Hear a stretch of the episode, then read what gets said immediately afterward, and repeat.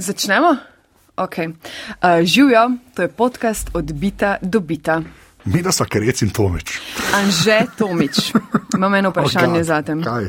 Kot ponavadi. Uh, Anže bi si upal uh, napovedati ali pa povedati uh, eno številko, koliko krat sva v letih, odkar uh, imava odbito do bita, govorila o regulaciji.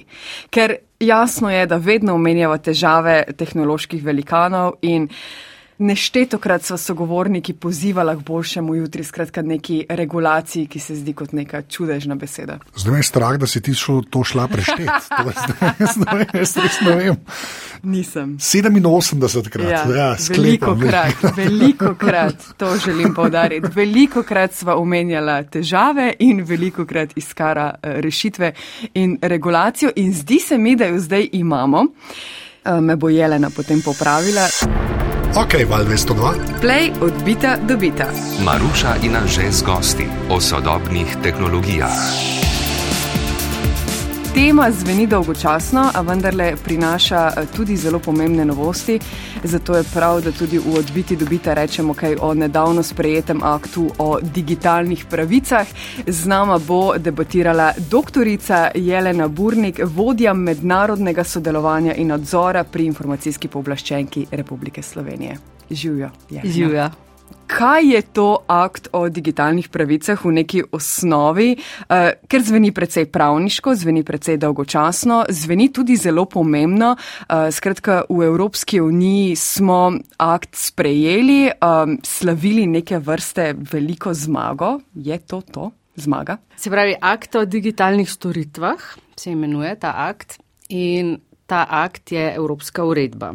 To kot prvo pomeni in je pomembno, da se taka, kot je napisana, uporablja v vseh državah članicah Evropske unije. Se pravi, ne bomo imeli v Sloveniji nekaj drugega, nekaj drugačnega kot recimo v Avstriji.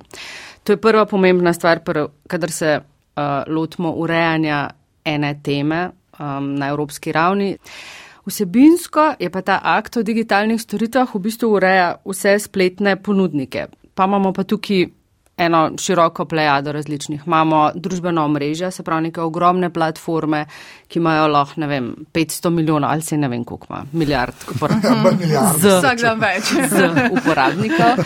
Potem imamo pa tudi take mal manjše ponudnike, ki jih imamo recimo tudi v Sloveniji, kljub temu, da je mal manjši trg, a ne pa mal bolj nišni jezik, ne vem, imamo razne platforme, kjer si lahko pogledamo različne, ne vem, primerjave cen, različne storitve, lahko zabukiramo potovanja, lahko iščemo različne informacije. Skratka, vsak, ki nam ponuja neko storitev na spletu, um, neko platformo, načeloma bo urejen s pravili, kot jih določa ta akt. Potem je pa tako. Ena od teh storitev so velike, kot smo rekli, če je z ziljavžent uporabnikov, bodo za te platforme veljala mal bolj strožja pravila. Če pa je to nek manjši ponudnik, ki bodo pa pač za njega veljale ene določene obveze, ampak ne tako hude kot za te velike ponudnike. Pa se je prav, ker veliki so hujši. Tako, veliki so hujši, imajo pač več teh slabih posledic, lahko, a ne, poleg tega, da imajo seveda tudi neke dobre učinke. In um, ta nek um, pristop, da se, se pravi, stvar regulira, ureja glede na uh, risk, a ne glede na, ka, na to, kakšno so tveganja, je pač zdaj zelo popularen in temu sledi tudi ta akt o digitalnih storitvah. To je bil zdaj teaser, ker nismo še nič povedali. No, se to, kaj pa Kaj je v ni, a temu aktu? Tako, ja, kaj pa prej ni bilo regulirano in je zdaj na noro regulirano s tem aktom. Ne? Se pravi, najlažje si je to predstavljati, če si predstavljamo te največje ponudnike, ne? tipa ne vem, Google, Facebook, Amazon, te res te velike, za katere to pa vajni poslušalci, a ne najbrž tudi že čivkajo, imajo neke slabe posledice tudi za, za nas ljudi, a ne za zasebnost. Pa pri političnem oglaševanju, pa pri svobodi govora, se te teme so v bistvu zdaj že kar um, zelo Tudi mainstream že kar Je mainstream, ne? ja, tu ne rabimo potem ja. čisto te, te podrobnosti. Skratka, te velike platforme, a ne prav zaradi teh nekih slabih posledic, ki jih imajo lahko, a ne, je prevladalo vse v Evropi, pa tudi počasi drugi po svetu, neko prepričanje, da jih je treba mal stisniti po domače, da jih je treba bolj tesno regulirati, zato da ne bodo tok posegali v te naše temeljne pravice do zasebnosti, do svobode govora, do svobodnih volitev in tako naprej.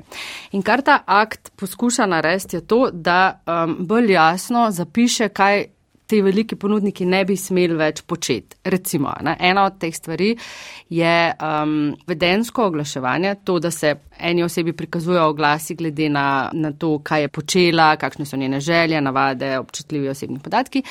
To bo zdaj omejeno. Vedno pogooglamo, ne najprej, ja. kaj z nami nekaj narobe, ne? oziroma pač, če nam je nekdo všeč, ne ga najprej pogledamo na Facebooku, pa tako naprej. Ne? Se pravi, te veliki ponudniki od nas vaja v bistvu res zelo veliko, veliko več, kot ne vem. Nekdo, ki nam je blizu tako fizično, ne v fizičnem svetu. In kar ta uh, uredba reče, je, ne smete prikazovati oglasov glede na občutljive osebne podatke, se pravi, recimo glede na zdravstveno stanje. Jaz sem prepričana, da če bi jaz imela diabetes, bi Google to v sekundi vedel. Ne? In ta uredba zdaj reče, ne. Eno podobno tako stanje je tudi recimo politično prepričanje ali pa seksualna orientacija. Ne? Se pravi, ne. enako, ne sme Facebook me targetirati z vem, oglasi za klube, ki so namenjeni vem, homoseksualnim uh, obiskovalcem. Ne? Druga, recimo, zelo pomembna stvar je, da uredba zelo jasno reče, ne smete uporabljati temnih vzorcev, s katerimi uporabnike nekako potisnete v ene odločitve, za katere se drugače ne bi odločila. Ne? Temni vzorci so vsi tisti neki taki dizajni, ki so v vseh možnih spletnih, ja. spletnih ponudnikih in ki te vodijo v eno odločitev, tako bolj, eh, se pravi, da, da jo nezavedno spremeš, da jim rečeš. Eh, lahko je tudi nismo, manipulativno. Ja, se, mi smo tukaj največkrat govorili, jaz vem, da smo to parkrat omenili, pač Facebook Messenger, kako te prepriča, da mu daš dostop do svojih kontaktov. Recimo. Kjer je un gumb modar velik tako. in čez tretjino zaslona, da jim daš dostop, un ne bi dal dostopa, je pa si umehan. Saj tako je bilo, se to konstantno spreminjajo. Ne, sam, ja. Tako, recimo, tu so pač eni od temnih vzorcev in mogoče taki, ki niso čisto vezani na družbeno mrežo, so neke skrite, skrite cene. Ne? Recimo, ti vidiš, da je stvar brezplačna, pri pr igricah spletnih je to doskrat. Se pravi, igrica je brezplačna, znotraj so pa in-app purchases. Yeah. Ja. In če hočeš igrati igrico polno pomensko z vsemi skini in ne vem čim, imaš polhanenih nakupov znotraj igrice. In tu so tudi neki taki temni vzorci. Ne? Se pravi, pri teh spletnih omrežjih so zelo pogosti te ali neke drugačne barve, velikost gumbov, ali to, da se prikrijejo ene informacije. Vem, uh, vsako omrežje ima super lepo razložen, kako je fajn, da delimo s čim več ljudmi, kako je fajn, da nas ljudje poznajo in vse. Une slabe posledice, ne, pač da to ima lahko tudi neke drugačne efekte, pa niso jih predstavljene v takem jasnem jeziku. Se pravi, ena je uporaba nekega takega jezika. Recimo še en tak temni vzorec je to, da ne vem, vi se prijavite v neko omrežje, zelo uizi, a ne pa domače daš mail, daš to ime pa primek, super, fajn, super, potem pa hočeš ta račun izbrisati, ni šans. Ja. Pač klikaš, pa naslednji klik, pa kako izbrišete, pa potem prideš do, aha, želite izbrisati račun, oh no, we're sorry you're leaving, pa potem moraš še pojasniti, pa zakaj, ti ni bilo všeč, pa a boš priporočil prijatelj. Skratka, za prijavce je en korak, za odjavce pa 70, a ne? Ja, to je tudi temni vzorc, ki te pač na koncu ti pač obupaš, se ne odjaviš, ne? Ali pa mi, ko smo iz Slovenija, ne ta knjižni jezik, imaš te pozdravne informacije v slovenščini, vse je ja, jasno, ja. kako deliš, s kom boš delil. Ko pa hočeš neki, ne vem, recimo izbrisati podatke ali pa hočeš izvedeti nekaj o tem, kar omrežje ima v tebi, ja. samo še informacije o angleščini, skrite zavihki, podzavihki, v podzavihkih in se pač uporabnik se zmede. Ne? In to so recimo vse neki taki temni vzorci, o katerih se govori zdaj že, ne vem, desetletje. Ja. Ja tudi poimenoval jih je pač, mislim, da je en gospod akademika, ne deset let nazaj. Zdaj v tej uredbi so pa prav pač poimenovanja, ne? se pravi, člen je sicer napisan mal bolj splošno, pa prav omeni temne vzorce, omeni, da so to okay. pač manipulativne prakse, se pravi, ki zavajajo in da se teh stvari ne sme uporabljati. Ne? In to je taka zelo pomembna. Um, novost je prav, da je nekje točno napisano, kaj mi mislimo o temnih vzorcih. Zveni res idealno, Ampak zakaj se pri vseh teh malih zmagah v tem desetletju družabnih omrežij vedno pojavi ta ampak? Kje se torej tokrat zatika, ima kakšne napake, ima kakšne luknje ali ima kakšne nepredvidljivosti? Kadarkoli nekaj urejamo ne, na ravni nekih ne vem, zakonov ali pa ured po Evropi, ne, tale ampak se skriva recimo v nadzoru, ali pa mogoče za začnem začetku. Ampak se najprej skriva v tem, kako jasno so pravila določena. Se pravi, če so super jasna, potem tudi ni problem jih potem izvršiti, ker če so super jasna, vsi vemo, kaj je prav, kaj je ja. narobe, imamo organe, ki bodo to preverili, izvršili, kaznovali, to je to. Ene stvari lahko takoj rečeš, aha, to je res temen vzorec, pač posamezniki so bili res zavedeni. Velike pa te sivine, velike te sivine, a so bili res zavedeni, kdo je bil zaveden, najstniki. A so bili zavedeni vsi, a so bili zavedeni starejši, ki ne ja. znajo uh, angliško, kdo je bil tukaj zaveden. Ne? In kadar pač urejamo neke te nove tehnologije ali pa karkoli novega, pravzaprav na svetu obstajajo vedno neka um, različna polja interpretacije in ta sivina. In kadar uh, smo v sivini, včasih tudi pravila potem niso dovolj jasna, kar pa se vedno izkoristi v smislu obrambe. Ne? Se pravi, če bo pač nek nadzor nad enim od teh ponudnikov. In to so ogromna podjetja, ki se they lawyer up, kot se reče. Ne? Oni imajo ogromno sredstev, ki jih lahko namenijo za lobiranje, za obrambo, pred sodišči, za postopke pravne. Ne? Se potem vedno iščejo te nejasnosti, luknje, niti niso luknje, ampak nejasnosti. Ne? Mm. In kadar so pač pravila relativno nejasna, je potem tudi veliko večja možnost, da na ravni nekih sodišč ni nujno, da bodo čisto veljale take interpretacije. Ne? Se pravi, to je ena stvar, jasna pravila. Druga stvar, kako organiziran nadzor nad akti. In tu imamo lahko neke slovenske zakone ali pa EU uredbe. Ne? Mora biti zelo jasno, kdo so organi, ki to nadzorujejo in v tej uredbi je uporabljen pač en način koordinacije nadzornih organov, ne? ker je pač ta uredba govori o zelo različnih področjih in predvideva, da bi v vsaki državi obstajal en koordinator nadzora, ne? ki bo potem koordiniral različne organe. Imamo v Sloveniji že tega koordinatorja? Ni še določena, ne? to je še ena stvar, ki se mora izpeljati zdaj temu celemu letu, kar ostaja do konca um, uredbe. No, vsaj javno ni določeno. Pa se bo dejansko ta dikcija uporabljala, da gre tukaj pač za digitalne storitve. Mislim, ta, prevod, storitve ja. Zdaj smo se odločili, da storitve to pomeni, da kdorkoli karkoli počne na internetu za denar, pač ponuja storitve. Tako, až, zato to vprašam, ker se mi zdi, da veliko fokusa je bilo do zdaj vedno potem na pač dejansko ponudnike interneta. Ne. To je zdaj že ta plast, ki se je zgradila na ponudnikih no, interneta. Tako, to mi je dosti zanimivo, no, da se res zdaj storitve, storitve storitve. No. Storitve, ja. tisto, kar um, te ponudnike dostopa, ne ja. imamo regulirane. Se to, ne, se to, to je zdaj dejansko že eno nadstropje više. To je tisto pač, nadstropje ja, više. Je... Prav tisti, ki ponuja nekaj na osnovni infrastrukturi. Torej, tako, ja. In mislim, da na tak način ta uredba išče nek odgovor na to, kako se bodo zdaj ti organi med sabo razumeli, da pač um, oblikuje koordinatorja. Ne? Pa malo tudi odgovarja na to, ne, da dejansko to je šlo vse pore življenja. Tako. Se mi zdi prej bilo zmerno tako, da moramo pa internet, internet je neka ločena reč, ne, ki jo treba regulirati in vse ostalo. Ljudje, mislim, da smo počasi tako dojeli, da je to šlo res vse pore življenja, da se mogo ja, tudi tržni inšpektorat, pa še kakšen obada, tudi stvari, ki se samo na internetu zgodijo. Tako. Tako, ja. Ampak Kako zdaj to nadzorovati? Zelo plastično. Če imamo enega koordinatorja v neki državi ali skupino ljudi, ali ti ljudje, ker je tako prav, ker imamo akt, ker podjetje Meta zasluži nadzor, ali ti ljudje sedijo pred računalniki in gledajo, kaj državljani pišemo ali prodajamo na Facebooku, ali kje je kdo prikrajšan, diskriminiran, komu se je zgodila krivica, kako to lahko poteka po novem aktu. Se pravi, ta nadzor ne, ni li še čist natančno določen, je, prej smo bili pri enem, ampak ta nadzor je drugi. Uh mhm. -huh. Ampak ta nadzor, kako bo organiziran, kateri organi bodo v posameznih državah članicah, je deloma prepuščen državam članicam. Se pravi, kar bo Slovenija v naslednjem letu do začetka veljavnosti tega akta morala narediti, je, da bo morala oblikovati, kater organ bo tistih, kjer mu se bo lahko človek podal pritožbo, uh mhm. -huh. če bo menil, da recimo nek ponudnik iz Slovenije, ne vem, neka trž, spletna tržnica iz Slovenije, uporablja temne vzorce. A ne, tu bo Slovenija mogla še reči. Je pa tudi to ena od kritik, recimo na to uredbo, da mogoče ni dovolj jasno, ja, kakšen bo nadzor in da je tudi mogoče mal preveč razdrobljeno potem lahko vse.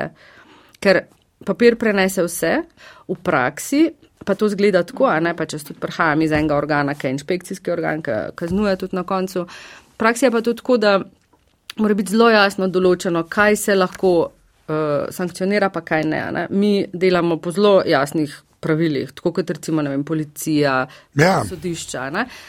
In Sem... mora biti zelo jasno določeno, kdo dela kaj in kaj se lahko sankcionira. In to je recimo ena od takih splošnih kritik mogoče tega akta.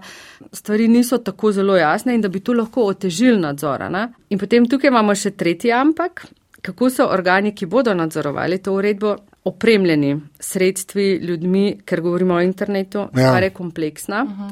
uh, organi imajo vedno neko omejeno število ljudi, omejeno število vem, ekspertov, ki so ukvarjajo z zelo tehničnimi temami.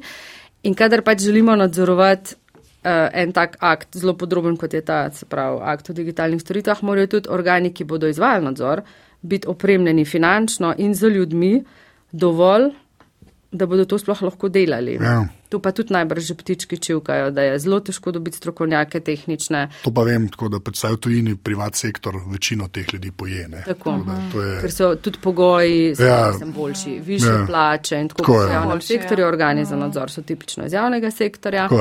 Pa tudi tako je, da organi so vedno vezani na, na to, koliko jim država nameni sredstva pa koliko jim dovoli zaposlovati ljudi. Mi pri tem nismo svobodni. Ja, seveda. Ja. Kadar se napišejo nova pravila, mora država temu slediti tudi z novimi ljudmi in sredstvi, ki jih bodo dobili ti organi. Če tega ni, potem je nadzor nemogoče izvajati. Pač uredba Evropske unije je, pač to je največ, kar EU naredi.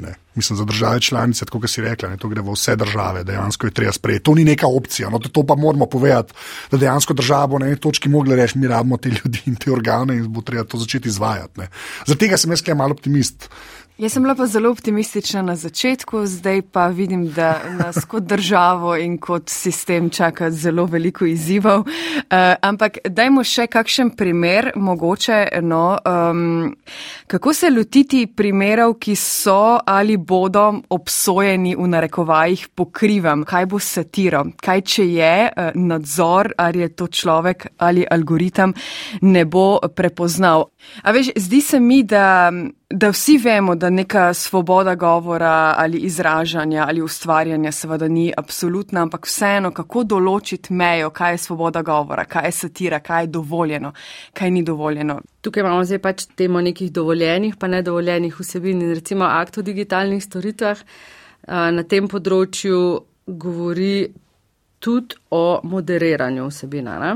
In mogoče to je lih en tak primer, ki pokaže pač eno, eno relevanco tega. Se pravi, to vemo, ne, da je pri takih velikih ponudnikih družbenih medijev in ostalo težko prideti do tega, da se boš na drugi strani pogovarjal z dejanskim človekom. Ne. Se pravi, ti imaš neko težavo, bodi si objavil neko vsebino, hočeš izbrisati svoje podatke, hočeš nekaj narediti. Nekdo te je žalil, nekdo je nekaj grdega objavil o tebi, nekdo je objavil tvojo fotografijo hočeš nekaj narediti, hočeš podati pritožbo, hočeš na drugi strani človeka, ki mu boš lahko razložil, kaj je bilo v tem konkretnem primeru narobe. To se ne zgodi. Najprej zaradi teh temnih vzorcev, kot smo prej ja. rekli, ker pač sploh ne prideš do opcije, kjer boš ti to prijavil. Potem pa tudi zaradi tega, ker v bistvu ta omrežja, ne, oni težko zaposlujejo toliko ljudi, ki se bodo potem na koncu ukvarjali s pritožbami posameznikov. In recimo manjši trgi, kot je slovenski nišni trg, zelo pogosto sploh nimajo moderatorja, te žive osebe, ki bo razumela jezik in ki se bo lahko ukvarjala s temi pač pritožbami. Se pravi, žive ljudi se potem nadomešča s tehnologijo, z nekimi algoritmi, ki presodijo, ali je nekaj res kršitev ali se bomo s tem primerom ukvarjali. Kar se potem zgodi, je to, ne? kot je bilo omenjeno, da algoritem ne prepozna golote, ki je prepovedana, in pa pač neke umetniške golote, ali pa ne prepozna satire proti resnični žalitvi. Ali pa recimo, ne vem, enkrat je bil izpostavljen primer, ko je šlo je pač za neko nadlegovanje, bili sta upleteni dve osebi in oseba, ki je nadlegovala, je stalno uporabljala lep jezik. Med vrsticami pa nadlegovala, govorila grde stvari. Druga oseba, ki je bila nadlegovana, je uporabila eno grdo besedo in je bila potem ta druga oseba blokirana, ker je pač algoritem prepoznal grde besede, kot so bile vnaprej določene. Ne? Se pravi, to je ena problematika.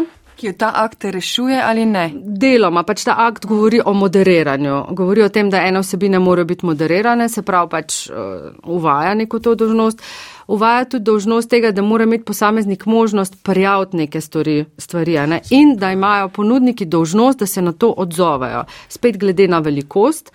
Misel bi si sicer, da je to že nekaj, kar je upeljano, ampak ni nujno. Ne? Če ste probali kdaj podati vem, na Facebooku kakšen obrazec za kršitev, je to zelo težko še vedno. Ne? Se pravi, uvaja neke obveznosti v tej smeri pač v Sloveniji. Ne? Ker, kot vemo, Nemčija s tem svojim zakoni o jeziku, pa to ne, njih se itak vsi bojijo, ko je močna in tako velika država. Ne? Že zdaj, Nemčija je kar tako nek svoj svet, tudi do teh velikanov ameriških v resnici. Ne? Jaz to sem zdaj, kot sem bral, sem videl, pač tle EU tudi malo za nas poskrbi na nek način, da jim nalaga, da se tudi z manjšimi obadajo. Uh mhm. -huh. Zdaj pa še eno vprašanje, naprej gremo na drugo temo. No, mogoče, um, te so vsi američani, evropskih teh velikih ponudnikov več ali manj ni. Pa, ki vemo, mi smo imeli kle nešteto, zdaj že primerov ljudi, ki so se vsaj provali, pa prevajalci pogovarjati z Netflixom, pa tudi maila ne dobijo, ne? pa so ljudem zbrisali Facebook tele strani, pa ne pridejo zraven, da bi jih nazaj dal. Kakšen je pa tvoj optimizem na tem, da bo pač zdaj američani rekli, ah, uredno je prišla, ne. Zdaj se bomo pa resno ukvarjali tudi Slovenijo. Ali bo to že spet nek proces, ki bo trajal pač leta. Kaj jaz vidim, se mi zdi naj, največji manjko. Če bi Evropa imela svojo meto, ne, ki bi servirala celi Evropi neko državno mreže, pa da se sam na to omejimo, si predstavljam, da bi se mal bolj bal ne, kot. Američani, ki imajo po nesrečnem Irskem, mogoče ne, neko izpostavo in potem nam dajo v slovenščini registriraj se obrazac, pa pa vse ostalo ne več. Ne. Ne bom za nalož povedala, same pozitivne. Okay, no, redo, lahko, le, lahko. Se je vložil v vprašanje, sem tok minusa naredil, da komot. Skratka, poznamo en dober primer ne, ja. za te stvari. Ta dober primer je GDPR oziroma splošna uredba o varstvu podatkov. Ne. Ona zdaj živi z nami kuk od leta 2018. Aha. In ta GDPR je pač določila ena pravila, ki se jih morajo držati tudi te, ki niso iz Evrope. Ja. No, in ena od teh posledic tega je, da so se vsi ustanovili na Irskem, kar pa seveda ni zdaj idealno, ampak se pa vidijo premiki. Premiki v tem smislu, da ne vem, je bilo izrečenih samo meti oziroma Facebooku že kar nekaj ogromnih, čez 200-400 milijonskih um, glob, sicer. Ne, kdo bo rekel, da to je za njih vse en nek pač ja. strošek, ki so ga pričakovali. Z vsakim dnem je to mal večji strošek za njih, ne kako jim gre. Tako, z vsakim dnem je mal večji strošek. Se pravi, ena od teh ured, pa ne se pravi, zdaj imamo polhnenih ured, ki prihajajo, počasi začne kazati zobe, da se mhm. lahko izrekajo kazni, da se lahko kaznuje, čeprav imamo v Evropi pač drugačne načine nadzora, drugačne strukture, več organov, moramo sodelovati, ampak se izrekajo. Se izreka Evropa o tem, kaj mi hočemo, pa kaj mi nočemo, ja. in tudi izreče neke kazni, ki bodo lahko izvršene. In temu ta trend nadaljuje tudi ta, ta nov Digital Services Act na tak podoben način. In tukaj smo lahko pač pozitivni. Okay. Sicer te stvari so zelo tek na dolge proge. Ne? Tudi ne vem, včasih, ko so se šele začele razvijati telekomija, ne? je trajalo desetletja in desetletja, da so stvari bile tako jasno regulirane, kot so zdaj ko so telekomome načeloma jasno, da ne smejo prisluškovati ljudem. Ja. Ni bilo vedno jasno. Ja, ja, ja. To je tek na dolge proge in to je to, kar zdaj Evropa dela s temi akti. Pa akt o umetni inteligenci, ki recimo ne vem, govori o tem, da se ne sme uh, ljudi nadzorovati biometrijsko na javnih prostorih in tako. Se pravi, Evropa se izreka v tem desetletju o tem, kaj mi nočemo. Kljub temu, da tehnologija in napredek nam omogoča super fajn življenje, uh, ampak so določene stvari, ko so red tape, red line in yeah. teh ja. mi nočemo. Ne? In to je zelo pomembno. In tudi to, da se kazni izrekajo. In še ena stvar, pač vse te uredbe, reče se tako po fancy, ekstrateritorialen vpliv, yeah. Ja. kažejo tudi nek učinek recimo v Ameriki. Ne? Zaradi tega, ker so pač tiste, eh, tista podjetja, ki poslujejo z Evropo, ker se morajo tukaj držati enih strožjih pravil, morajo tudi svoje sisteme nekako mal prilagoditi in se jim tudi finančno izide tako, da jih prilagodijo za vse trge. Ja. To je ena stvar. Druga stvar je pa to, da se potem tudi v Ameriki se je začela pisati tudi zakonodaja za te stvari. Ne vem, pa kalifornijski zakon, pa skozi več nekih pritiskov na federalno zakonodajo. Tako da v bistvu to prelivanje nekih strožjih pravil z enega sicer manjšega evropskega trga je vidno. Ne? Mogoče pač ni tako javno razupito, da se tudi v Aziji skozi bolj sprejemajo zakoni glede vem, zasebnosti, glede varovanja.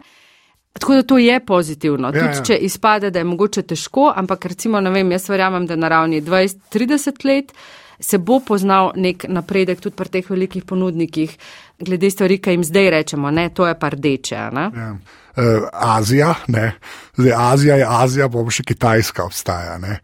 sploh je kršen vzvod. Zdaj, v bistvu se mi zdi, da kar se njega mainstreama tiče, je pa to več ali manj zaradi TikToka. Pa smo pa res pa oglaševanje pogajali. Ampak gremo zdaj sam, ker TikTok je digitalna storitev, to je uredbo o digitalnih storitvah, ne?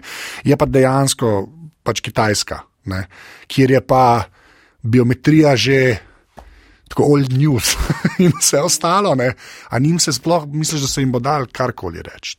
Mislim, prav glede TikToka, ne, to je ja. mogoče potem pozitiven primer, tudi če še nimamo liš čist nekih rezultatov. Se pravi, vsak, ki posluje s temi digitalnimi storitvami um, v Evropi, a ne se mora držati tudi evropskih pravil do določene mere, če ne drugega po GDPR. Ja. GDPR to eksplicitno nalaga. In recimo, ne vem, par let nazaj, ne, so recimo italijani najprej uh, v Italiji pač so, so, so, so imeli s TikTokom postopke, potem pa se je tudi TikTok ustanovil um, na Irskem. Mhm. Tako da zoper TikTok pač obstajajo ja, razumem, ja. postopki in so možnosti.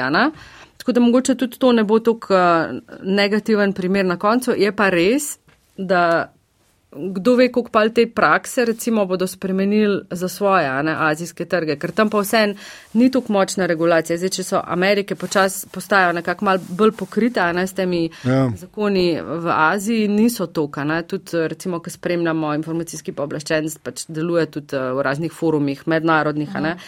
In tam se zelo šele razvija zakonodaja o varstvu zasebnosti, varstvu osebnih podatkov, tudi drugih si predstavljamo. Ja, ja. Tako da tu so vem, čist različno razviti te svetove, ali pa ko se pogovarjamo o Afriki, tam sicer ni ja, se... ponudnika, ampak tam je to zelo na nekem začetnem nivoju. Ne? Ja, ja. Ker v Evropi so pač temeljne pravice vse nekako v naših ustavah, imamo eh, konvencijo in tako. Ne? V drugih delih sveta pa ni to nujno tako čist.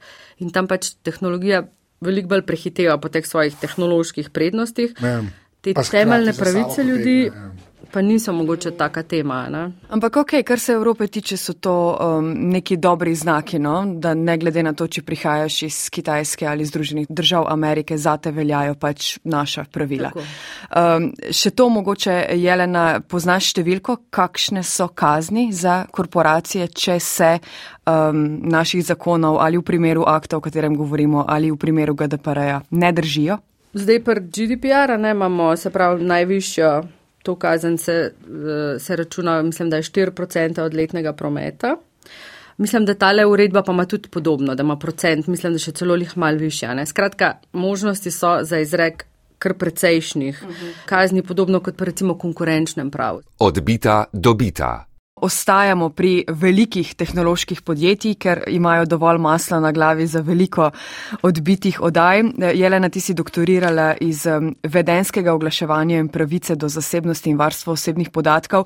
Tudi nama je ta tema zelo blizu. Rada z veseljem razpravljava, opazujeva, kaj se dogaja na trgu, zato sprašujeva enkrat za vselej ali pa ne v tem trenutku, kakšna je razlika med Evropsko unijo in Združenimi državami Amerike v v oglaševanju.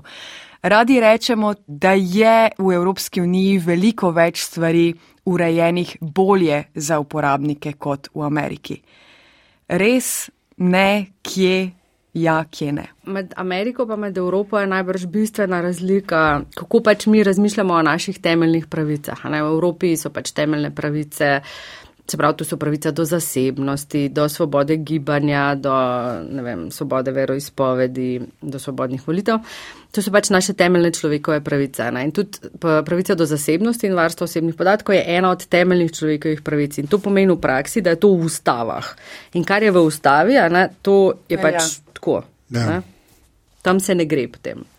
Medtem ko v Ameriki ta pravica do zasebnosti sicer je pač uh, temeljna pravica, ampak pravica do varstva osebnih podatkov kot nek pač uh, del te pravice pa ni tako jasno opredeljena kot temeljna človekova pravica. Ne?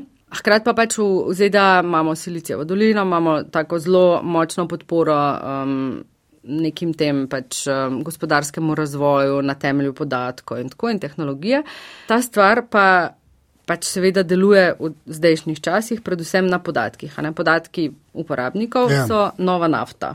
Nafta, ki poganja pač to industrijo, ne podatkovno. Pa smo lahko tukaj zdaj na samovozečih avtih ali pa na oglasih na Facebooku. Ne. To je v bistvu vse ista stvar. Pač laufa na naših podatkih, se izboljšuje na naših podatkih. Skratka, ker, uh, ker v ZDA ni neke take federalne zakonodaje se ti podatki varujejo, kukor se ti dogovoriš z uporabnikom. Se pravi, zdaj karikiramo. Ne? Če se jaz in ponudnik samovozečega avta strinjava v pogodbi o tem, da se moji podatki lahko potem uporabijo še strani ne vem koga vsega, je to pač to, je to pač najna pogodba. Ne? Se pravi, bolj taka neka pogodbena pravica. Medtem, ko v Evropi imamo stvari urejene tako, da ponudnik samo vozečih avto, enih stvari že po defaultu ne sme. Ne sme, ja. pač ne sme uporabljati mojih podatkov za druge namene, kot za pač to, da operira ta samovozni avto. Ne? In iz tukaj pač izhaja ta bistvena razlika, ne, kako, kako je pač v Ameriki na, lahko napredoval ta tehnološki sektor in kako je pač v Evropi bil jih mal bolj omejena, ne, ker enih stvari se pač v Evropi jih čist ne sme. Pričemer še telekomi tam dejansko prodajajo podatke naprej, tako. praktično prosto, se to je zdaj zelo tako, splošno rečeno. TV so veliko velik ja. manj omejeni pri tem, ne? in ker so veliko manj omejeni pri tem, recimo za kire sekundarne namene se podatki lahko dalje uporabljajo, ne? s tem veliko več zaslužijo, se pravi nek pametni TV, ne? in lahko, ne vem, se to so bile tudi sodbe, um, lahko pač dost natančno spremlja, kaj posameznik dela. Ne? Se pravi, Jelena gleda Netflix, pa ne vem, kukorkoli ja. že, pa kjer je serija, pa tako. Ne? In ti podatki so valjda zelo zanimivi za. To, da se potem servirajo oglase, ker smo bili že prej po občutljivih kategorijah. Ne? Če je le narada gleda pač razne te Dr. House in ostale vem, oddaje medicinskega tipa ali pa vem, namenjene vem, lezbičnim populaciji, potem se bo to zlahka prodal naprej in me jeleno dodal v kategorijo, ne vem, kjer okoli od teh in bom pač dobila take oglase. In to, so, to je veliko vredno, ne, oglaševalcu je to vredno in potem uh, pač lahko oglase na ta način targetira. In to, to se ne, recimo v Evropi ne sme kar tako. Ne? Ja. Ta Apple ask not to track, ne, ki se je zdaj zgodil, zdaj večinoma je vam prišlo tako, da vse je bilo ukverjen v Facebook je 10 milijard prometa zgubil zaradi tega, ne? ampak očitno se to dejansko pozna. Uh, pa me zanima, zmeraj imamo to neko tenzijo, ker Apple se zelo skuša pozicionirati kot un velikan, pa mi pa skrbimo za vašo zasebnost, mi vam prodamo naprave, tako zaslužimo, nočemo služiti na podatkih, ne nekako hoče biti. Seveda, no, že kim tako zavijaš, malo mi ta del me zanima, ker človek se s tem ukvarja, kam, kam bi jih ti dala, pa ne zdaj, da jih, jih moramo rešiti ali ne, Ka, kam bi jih ti dala, ker se mi zdi, da v Ameriki, se pravi v evropskem kontekstu, oni mene ne impresionirajo s temi svojimi deklaracijami. Ne? Ampak v ameriškem kontekstu so, je pa to kar velika stvar. Je ta optimizem prekomeren zaradi ameriškega konteksta, če Evropo pogledaš? Mislim, vse si že sam pravzaprav ja. govoril. Odvisno od konteksta. Zdaj, če pač nekdo ponuja tako opcijo, ne, ne sledimo ja. tam, v ameriškem kontekstu, kjer je default sledenje. Tako je. Ja.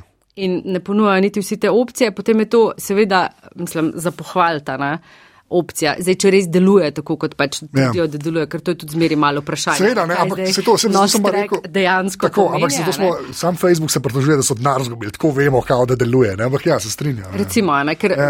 veliko teh opcij, se pravi, eno je, kaj neka tehnična opcija sploh pomena, ne, eno je, kako jo to skomunicirajo, ne, kater trg s tem nagovarjajo. In zdaj, kontekst je Amerika, kot ja. sprašuješ, ne, to je vedno tudi nekak del njihove poslovne odločitve. Se pravi, oni so že zračunali, da se jim poslovno splača nagovoriti tisti del uporabnikov, ki želijo biti ja. nesledenja. Ne? Tako da zdaj bolj natančno se o tem v bistvu težko opredelim, razen to, da je treba res pogledati kontekst. Ker dejstvo je, da pri internetu, pri aplikacijah vse se skoraj lahko sledi. Tako pač internet deluje. Vsaka, naš klik, vsaka stvar je pač drobec, ki se nekam zapiše. Ja. In potem je, uh, so te neke krilatice, ne, je treba zelo dobro vedeti, kaj pomenijo. No. Ja. Ampak občutek je pa dober. Prvič, več smo se začeli pogovarjati Tako. o tem, drugič, ja. kažemo s prstom na Facebook, ki je zaradi tega izgubil zajeten kup eh, denarja. In tretjič, uh, občutek je fajn, kot uporabnica govorim, vedno, ko pritisknem S k app, not to track.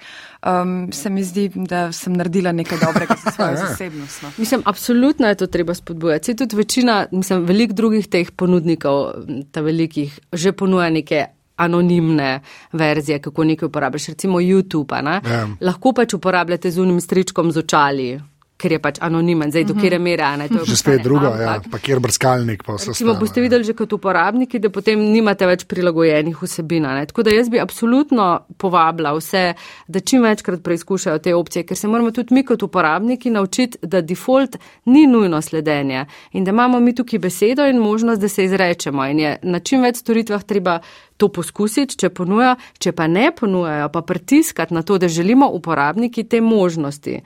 Tako kot pač želimo, ne vem, čist zrak, čiste vode, uh, hrano brez sladkorja, hočemo tudi živeti z digitalnimi storitvami, ki jih nujno moramo uporabljati v šoli, v službi, drugače pač ne moramo operirati. Hočemo imeti take, da ne škodujejo našim drugim pravicam, ne, da namo dobili diabetesa zaradi tega. Ja. Ne?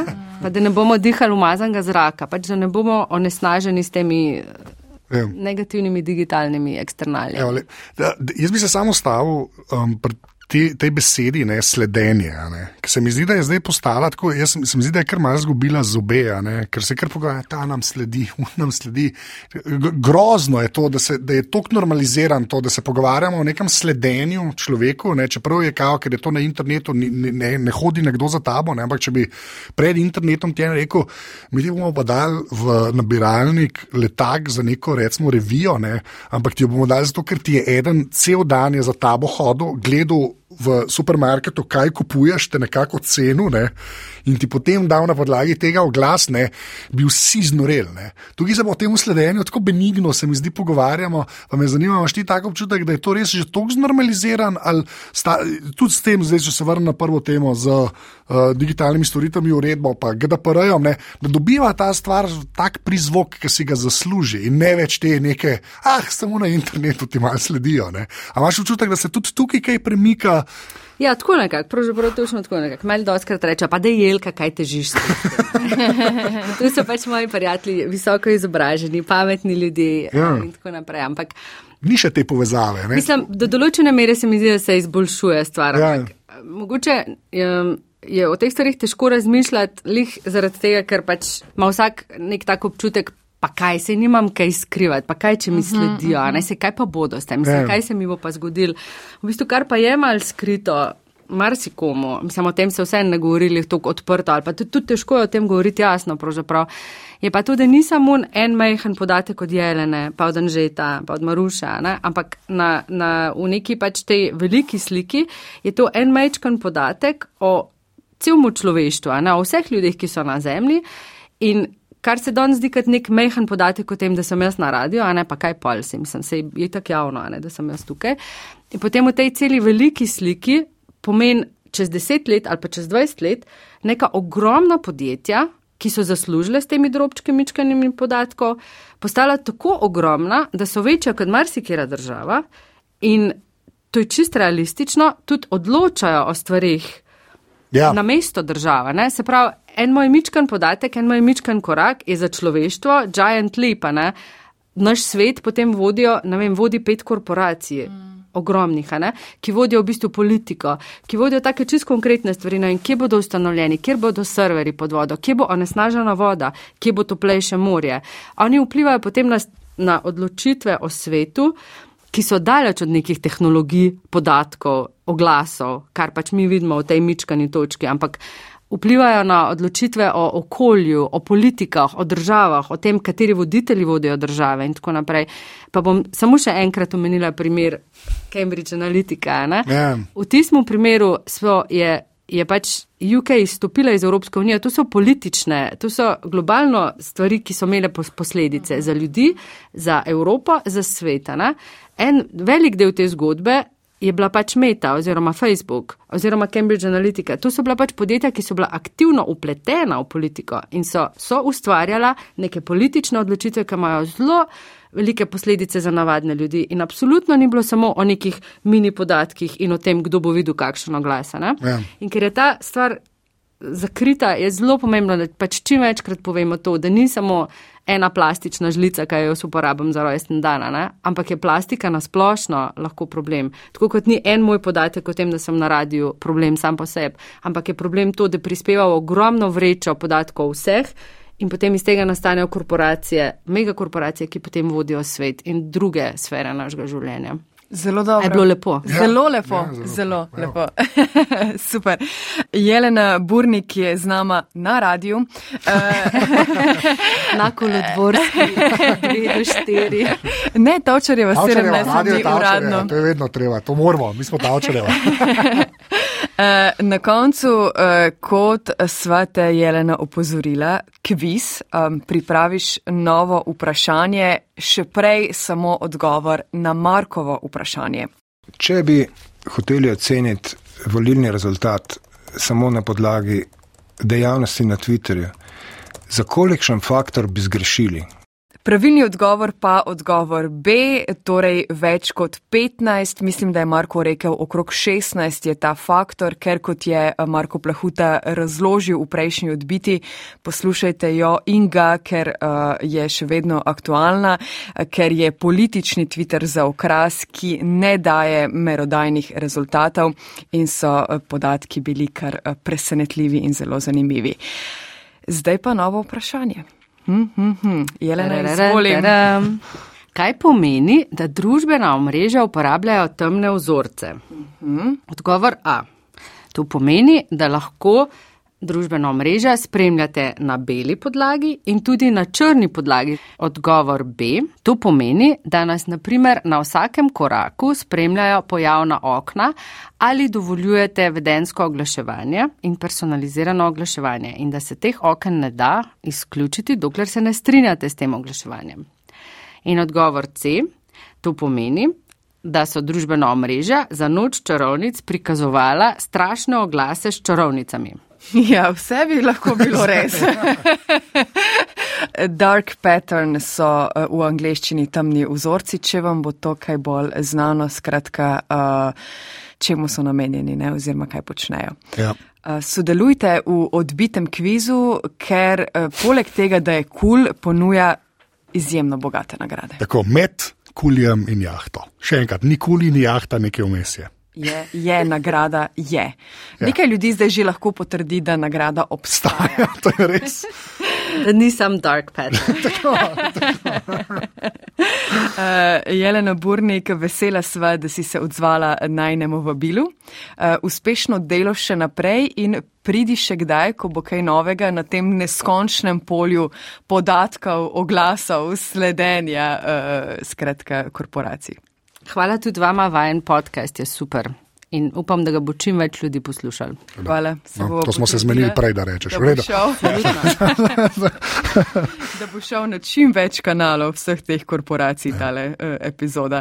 Uh, to je to. Kaj še dodamo, kaj še povemo? Neč kakšno oceno v Apple podcast, to so vedno vesela. Uh, pa, uh, um, jaz sem Anzeta na mesto Dano, najte me, to je to.